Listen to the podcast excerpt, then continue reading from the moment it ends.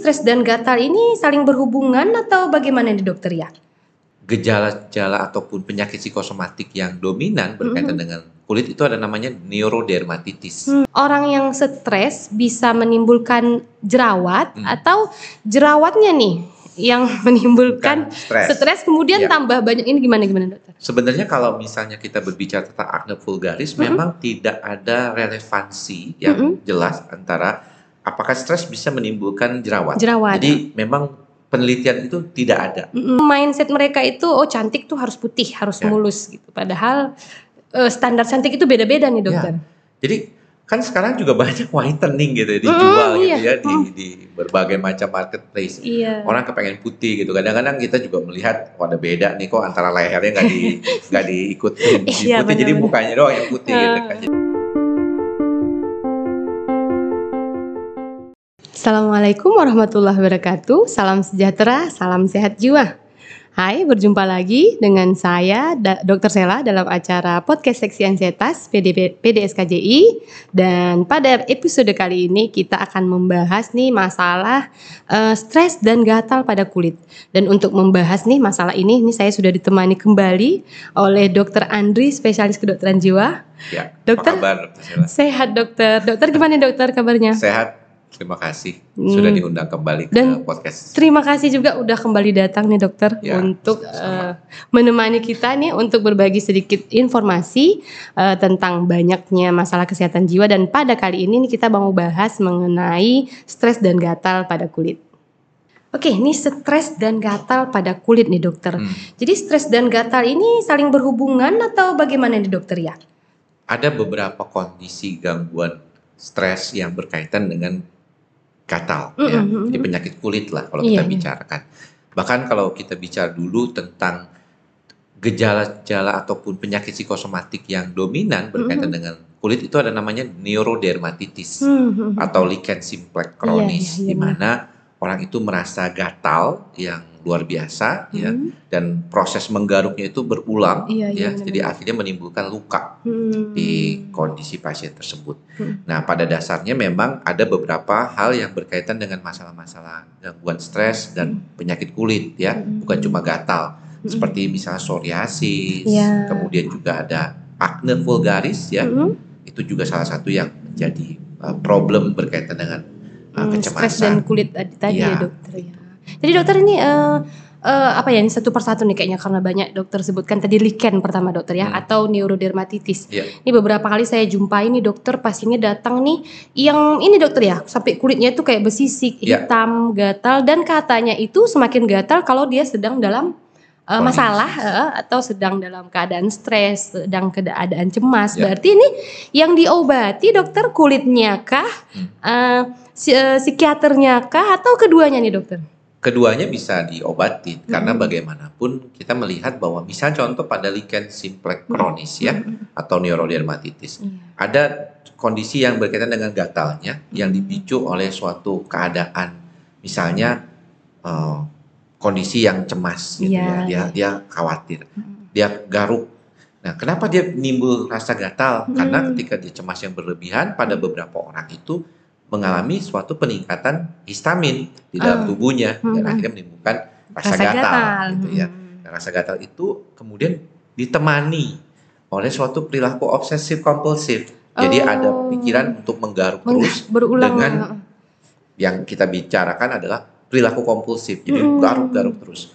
Dan akhirnya dia tuh saking gatalnya dia nggak bisa tahan gitu Mm. untuk menggaruk terus itu. Hmm. Nah ini yang mungkin perlu dipahami. Pada beberapa orang memang penggunaan antihistamin Hmm. ya untuk membantu supaya gatalnya hilang Iya. itu cukup membantu cukup Hmm. oke gitu dia Hmm. bisa membuat uh, darah. mengurangi rasa Ya, gatalnya ya betul. ya. tapi ada beberapa lagi yang memang perlu tambahan anti cemas Hmm. ya karena ketika dia mengalami kecemasan maka dia lebih gampang keluar histaminnya Hmm. gitu ya dan kalau kita melihat ada beberapa penyakit kulit juga seperti psoriasis juga Hmm. yang bisa membuat uh, keluhan kecemasan itu menjadi psoriasisnya tuh jauh lebih Iya, iya. dominan, Hmm. seperti Jadi dok eh, berarti itu bukan bukan hanya sugesti ya dokter ya bahwa ini saya stres terus timbul gatal nih, tapi memang Oh. ada mekanisme antihistaminnya tadi ya dok ya. Sebenarnya kalau kita berbicara tentang pendekatan psikosomatik medis, Mm-mm. ada beberapa penyakit lain yang Mm-mm. berkaitan dengan stres dan adanya sistem imunitas yang terganggu.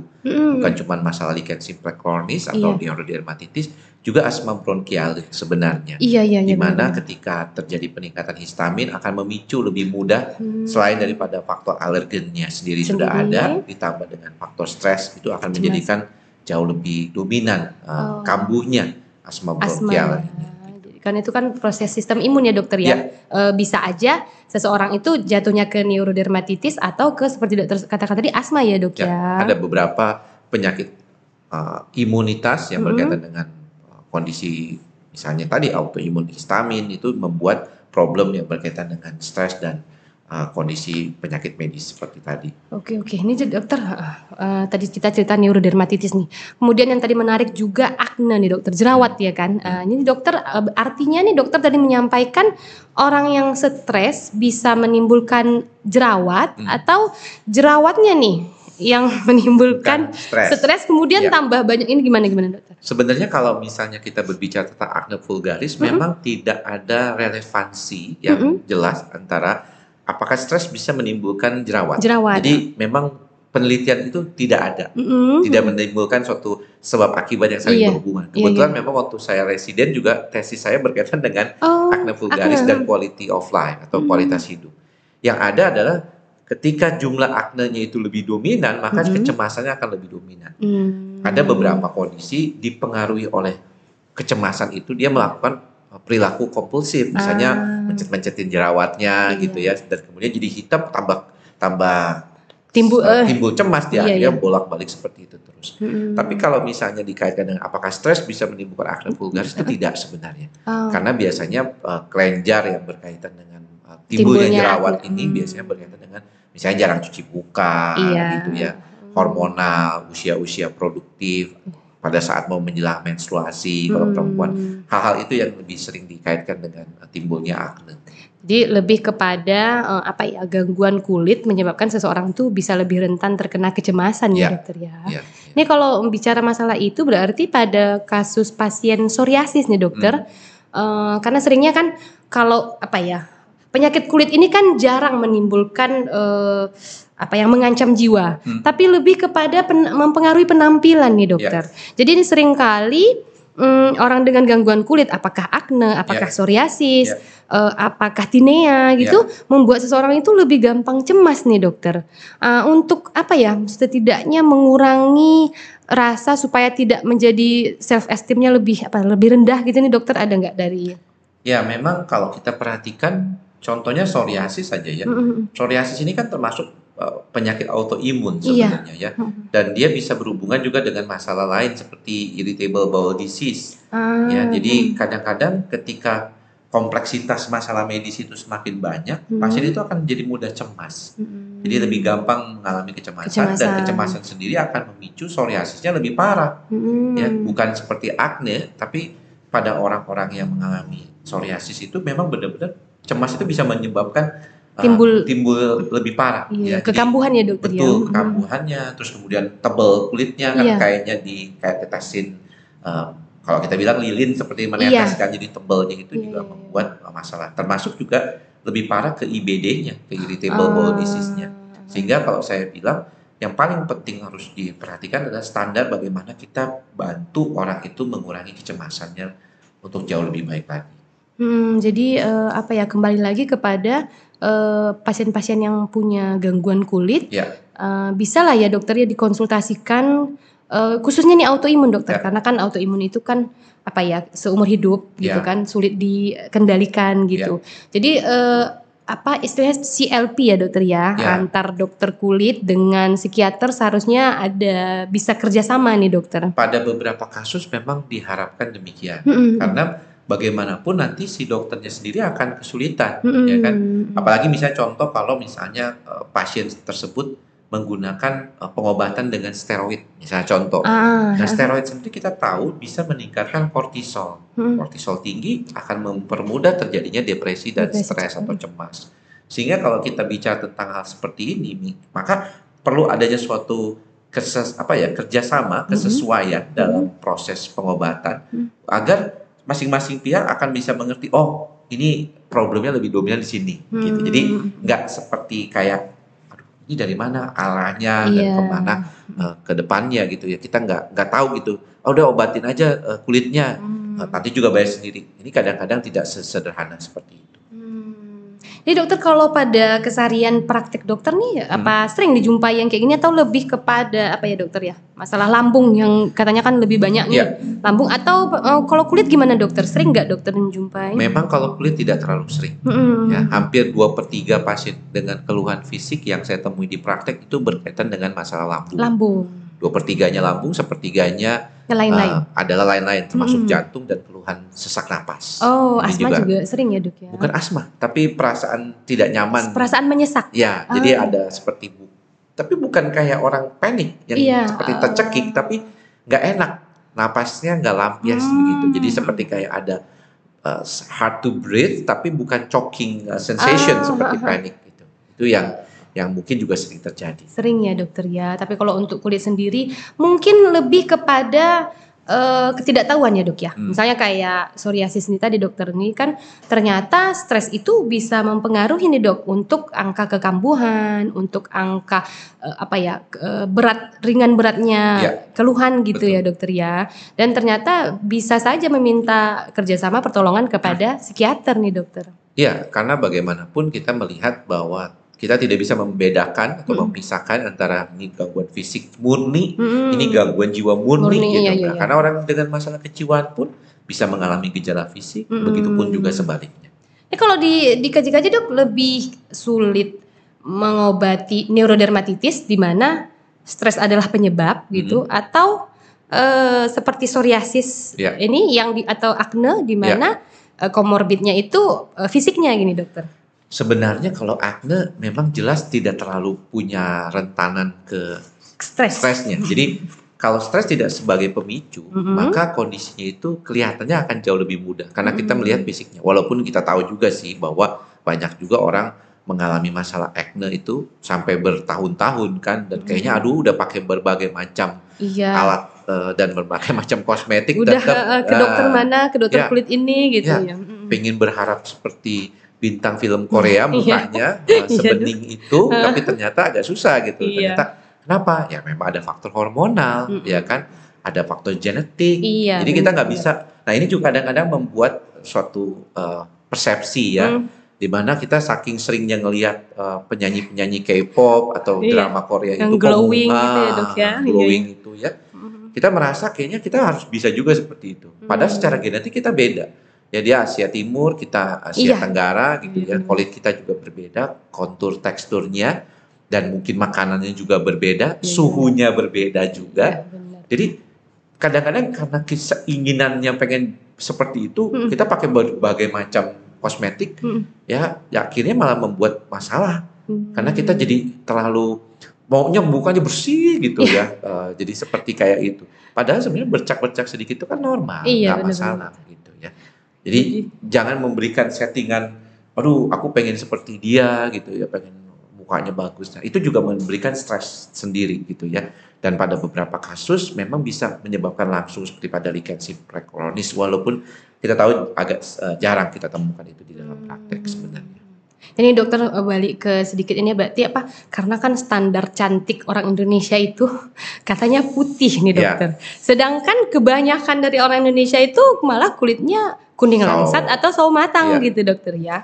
Untuk apa ya? Apalagi sekarang nih generasi apa sekarang istilahnya sudah bukan lagi milenial dokter. tapi generasi Z Generasi Z iya Ya. bener dokter ini karena kiblatnya itu sudah ke K-pop gitu malah jadi kan eh, mindset mereka itu oh cantik tuh harus putih harus Ya. mulus gitu padahal eh, standar cantik itu beda-beda nih dokter Jadi kan sekarang juga banyak whitening gitu ya, Mm, dijual gitu iya. ya di, di berbagai macam marketplace. iya Orang kepengen putih gitu. Kadang-kadang kita juga melihat wah ada beda nih kok antara lehernya nggak di nggak diikutin di Iya, putih. Jadi benar-benar. mukanya doang yang putih gitu Ah. kan. Jadi menarik gitu kelihatannya. Tapi Tapi saya pikir sesuatu yang kita nggak bisa terima itu uh, akan menimbulkan perasaan nggak nyaman dan Iya. itu bisa menimbulkan gejala-gejala depresi. Mm. Makanya kenapa persepsi orang terhadap kondisi kecantikan itu juga Hmm. perlu di diperbaiki gitu ya. Hmm. Apakah harus selalu putih gitu ya?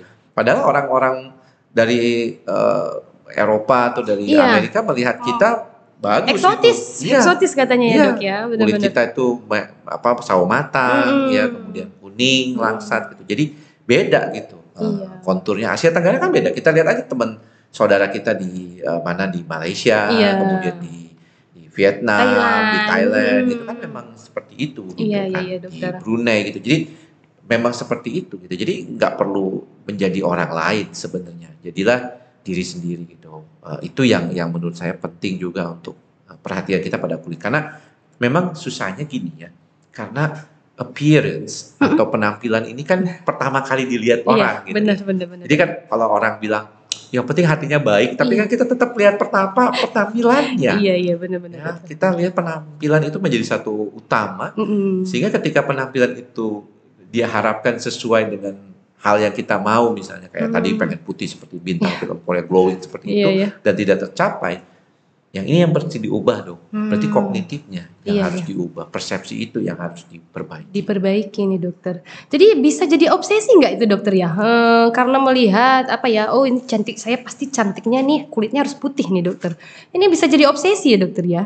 jadi artinya ada satu proses kesalahan dalam proses pikir orang Iya. tersebut kan yang seolah-olah cantikan itu harus ibaratnya harus putih gitu kan Eh, harus langsing yang Iya. yang sampai kurus seperti Mm-mm. itu yang enggak juga kan. Mm-mm. harus kakinya panjang seperti itu. Ya tapi kalau turunannya emang nggak ada ya gimana gitu ya. Jadi nggak nggak boleh memaksakan diri gitu ya. Iya. kita harus ikhlas menerima kondisi kita ya, bahwa memang itulah yang ada gitu. Bukan itu yang paling penting sebenarnya. Penampilan bagus baik menjadi cantik siapa pun orang kepingin Pingin. ya menjadi lebih menarik tentunya itu bukan sesuatu yang salah tapi kita juga perlu menyadarkan diri kita bahwa ada hal-hal yang mungkin uh, perlu kita sesuaikan seperti Iya. itu Jadi mindset yang perlu di- diubah ya dok ya? ya itu penting banget dan mumpung masih muda kan Iya. generasi Z ini kan baru usianya mungkin 19 Hmm. uh, paling tua ya Iya. uh, 18-an gitu ya mereka lahir baru sekitar tahun 2000-an gitu ya Hmm. 2000 ke atas gitu ini kan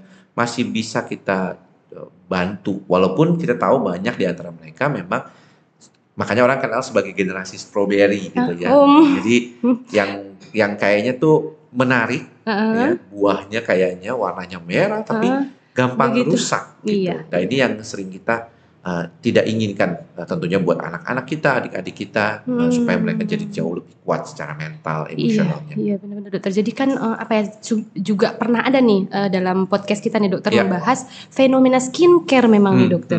Jadi seperti dokter katakan tadi yang dijual kebanyakan saat ini itu jargonnya itu whitening, Hmm, mencerahkan. Padahal bukan itu yang penting nih dokter. ya, Makanya jadi eh, kalau saya sih lebih setuju eh, apa kepercayaan diri mempengaruhi cantik tidaknya seseorang ini setuju nggak nih dokter? jadi yang paling penting kalau kita bicara tentang kulit, karena Hmm. kali ini kita jadi bicara bicara kulit ya. Kulit yang sehat bukan Hmm. berarti putih. Iya, iya. Itu harus penting dulu diperhatikan. Hmm. Jadi kulitnya sehat, tapi bukan berarti harus putih Iya, iya. atau benar. harus glowing gitu ya. Mungkin ya bolehlah kita bilang oh glowing itu karena Hmm. putih. Tapi jangan-jangan itu karena berminyak aja gitu mukanya.